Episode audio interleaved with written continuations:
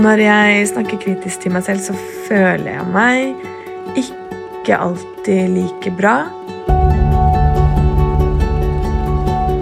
Du hører på Mestringspodden fra Tekna. I dagens episode skal det handle om selvkritikk og om hvordan vi snakker til oss selv. Tekna-studentene Emma, Karoline og Mathias forteller om hvordan de behandler seg selv. Og psykolog Karina Karl gir oss innblikk i hvorfor vi har en tendens til å være ekstra strenge med oss selv, og hva vi kan gjøre med det. Mitt navn er Kenneth Stubhaug Karlsen. Noen ganger så får jeg en ekstra push til å gjøre ekstra mye dagen etter, f.eks. hvis det gjelder skole. Men noen ganger så tenker jeg også at eh, jeg ville jo aldri sagt til en venninne eller en venn at de har jobbet sykt dårlig en dag. Men jeg kan allikevel si det til meg selv. Hvis jeg snakker kritisk til meg selv, kan jeg få litt dårlig selvtillit, bli skuffa over meg selv og kan bli demotivert. Forskning viser ganske tydelig at vi er vesentlig mer kritiske til oss selv enn andre mennesker er til oss, og vi tenker og tenderer til å tenke at andre er mer kritiske til oss enn de faktisk er. Vi er flokkdyr, vi trenger å høre til. Tilbake i tid, da vi var jegere og samlere, var det helt avgjørende for oss å ha en plass i gruppen, og sånn er det fortsatt, selv om vi lever annerledes. Mange steder i verden lever vi mer individorientert og er vesentlig mer selvstendige enn den gang, men tilhørighet er fortsatt helt sentralt for vår trygghet og velbefinnende.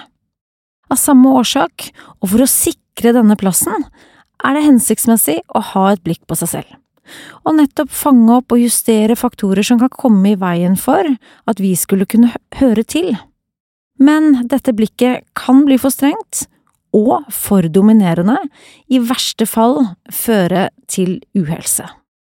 Mange holder fast i denne kritiske indre dialogen i overbevisning om at selvkritikken virker positivt på motivasjon og prestasjon, hvilket forskning motbeviser.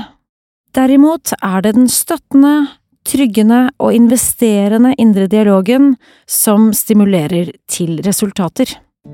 I Teknas seneste undersøkelse om studenters psykiske helse fikk studentene spørsmål om hvordan de er mot seg selv.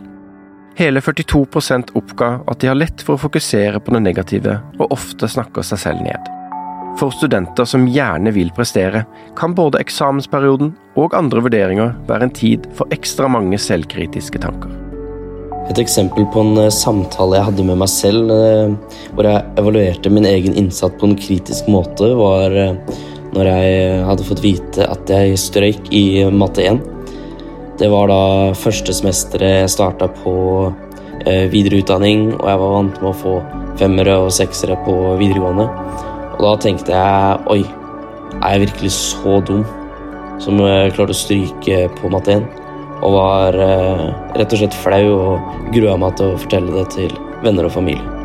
Jeg kan bli veldig irritert og skuffa over meg sjøl hvis ting ikke går helt etter planen min. Det kan sitte ganske lenge igjen.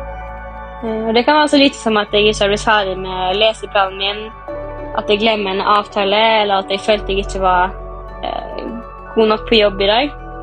Og det sitter, kan sitte litt i, og da kan jeg eh, være misfornøyd med meg sjøl ganske lenge. Eksamensperioder er hektisk og krevende, en potensiell trigger for selvkritikken. Det er derfor helt sentralt å begrense og fokusere på det man får til, det som går bra, se etter mestring. Selv om jeg sitter lange dager, så tenker jeg at jeg kunne vært tidligere på skolen, vært mer effektiv. Um, og så er jeg også gjerne kritisk fordi jeg ikke får trent den dagen, eller fordi man kanskje spiser eh, litt ekstra snacks for å holde ut. Så spesielt i eksamensperioden så kan det bli litt uh, mye kritisk tenkning. Kanskje litt for mye. Hvis jeg leser dårlig eller lite, så tenker jeg veldig mye på det. Jeg blir veldig fort irritert på meg sjøl. Men som oftest, så etter hvert i hvert fall, så eh, fører det til økt motivasjon. Eh, og at jeg får gjort det Blir mer motivert til å gjøre det bedre neste dag. Eh, I og med at jeg òg har fått reflektert over hva jeg kan gjøre bedre. Så når er selvkritikk et grep som kan virke motiverende? og når kan vi si at selvkritikken tar overhånd? Selvkritikk kan snus til motiverende og investerende selvsnakk ved å øve positiv indre dialog. Vi kan spørre oss selv hva vi ville trenge å høre, hva som hadde vært støttende, eller hva vi ville sagt til andre i samme situasjon. For så å si dette til oss selv. Måten vi snakker til oss selv, virker direkte inn på hjernen vår, og dermed på hvordan vi har det følelsesmessig, hvordan vi har det i kroppen, og på måten vi handler. Gjennom vår indre dialog kan vi være vår egen investor, vår egen støttespiller og heiagjeng.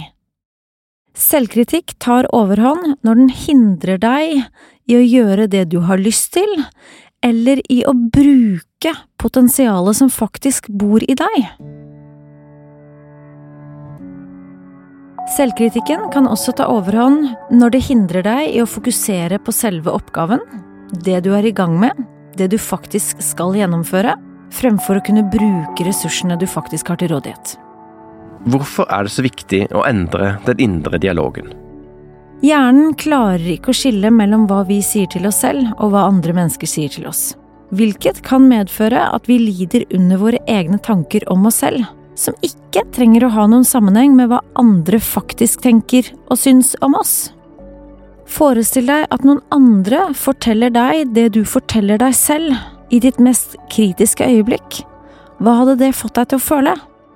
Antageligvis hadde du opplevd dette som ganske uakseptabelt, og av samme årsak er det heller ikke greit at du sier det til deg selv.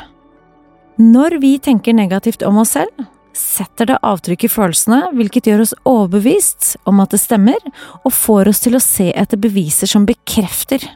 Hvis du tenker at du ikke leser nok, så vil du finne beviser på lesesalen, i sosiale medier osv.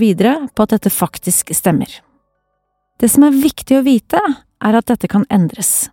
Så lenge vi lever, kan vi lære, vi kan justere, og på den måten forme hjernen vår.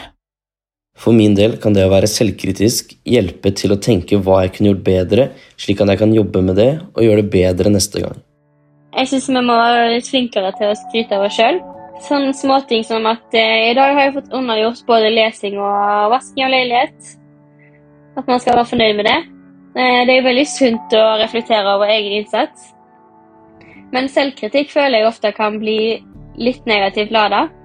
Så at man må passe på å ikke være for negativ mot seg sjøl. Ikke grave seg ned i og med at det kan kreve mer energi da, for å komme seg opp igjen og finne motivasjonen til å fortsette. Men kanskje det å skryte av seg sjøl for de små tingene man gjennomfører, kan eh, gi en bedre følelse og ja, gi en motivasjon til å klare enda mer dagen etterpå. Men vi kan bli bedre på å snakke pent og respektfullt til oss selv, og til å oppmuntre og motivere. Fortell deg selv at du er modig som prøvde, heller enn at det burde vært bedre. At det går bedre neste gang hvis det ikke gikk som du ønsket. Og at det nok skal bli bedre når du står i noe som er krevende og belastende. Hvis du skulle være din egen investor og viktigste støttespiller, hva skulle du si til deg selv?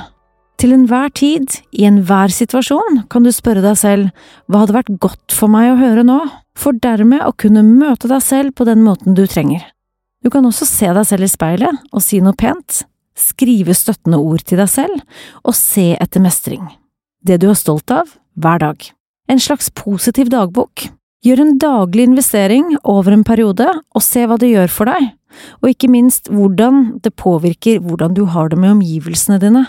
Hvis jeg har en venn som er veldig kritisk til sin egen innsats på mange felt i livet, så pleier jeg å si at uh, man vil alltid gjøre det bra på noen områder og litt dårligere på andre. Men det gjør jo på ingen måte at man er et dårligere menneske, eller Noen ganger så bare prioriterer man litt forskjellige ting. Så pleier jeg også å si at uh, i det store bildet så er det jo ikke prestasjonene dine som definerer deg. At det er vel heller hva man tenker om seg selv og hvordan man er mot andre, som kanskje har noe å si, da. Tenk om du kunne møte deg selv og dine menneskelige feil og mangler på en omsorgsfull måte. Hvordan hadde det virket på deg? Du har hørt Mestringspodden fra Tekna. I denne episoden har vi snakket om hvordan vi kan bryte det selvkritiske mønsteret og bli snillere mot oss selv. Hvis du studerer naturvitenskap eller teknologi og planlegger å ta en master, kan du bli Tekna-medlem. Les mer om medlemskap og medlemsfordeler på tekna.no. slash student. Trenger du noen å snakke med, kan du ringe Mental Helses døgnåpne telefontjeneste på nummer 116 123.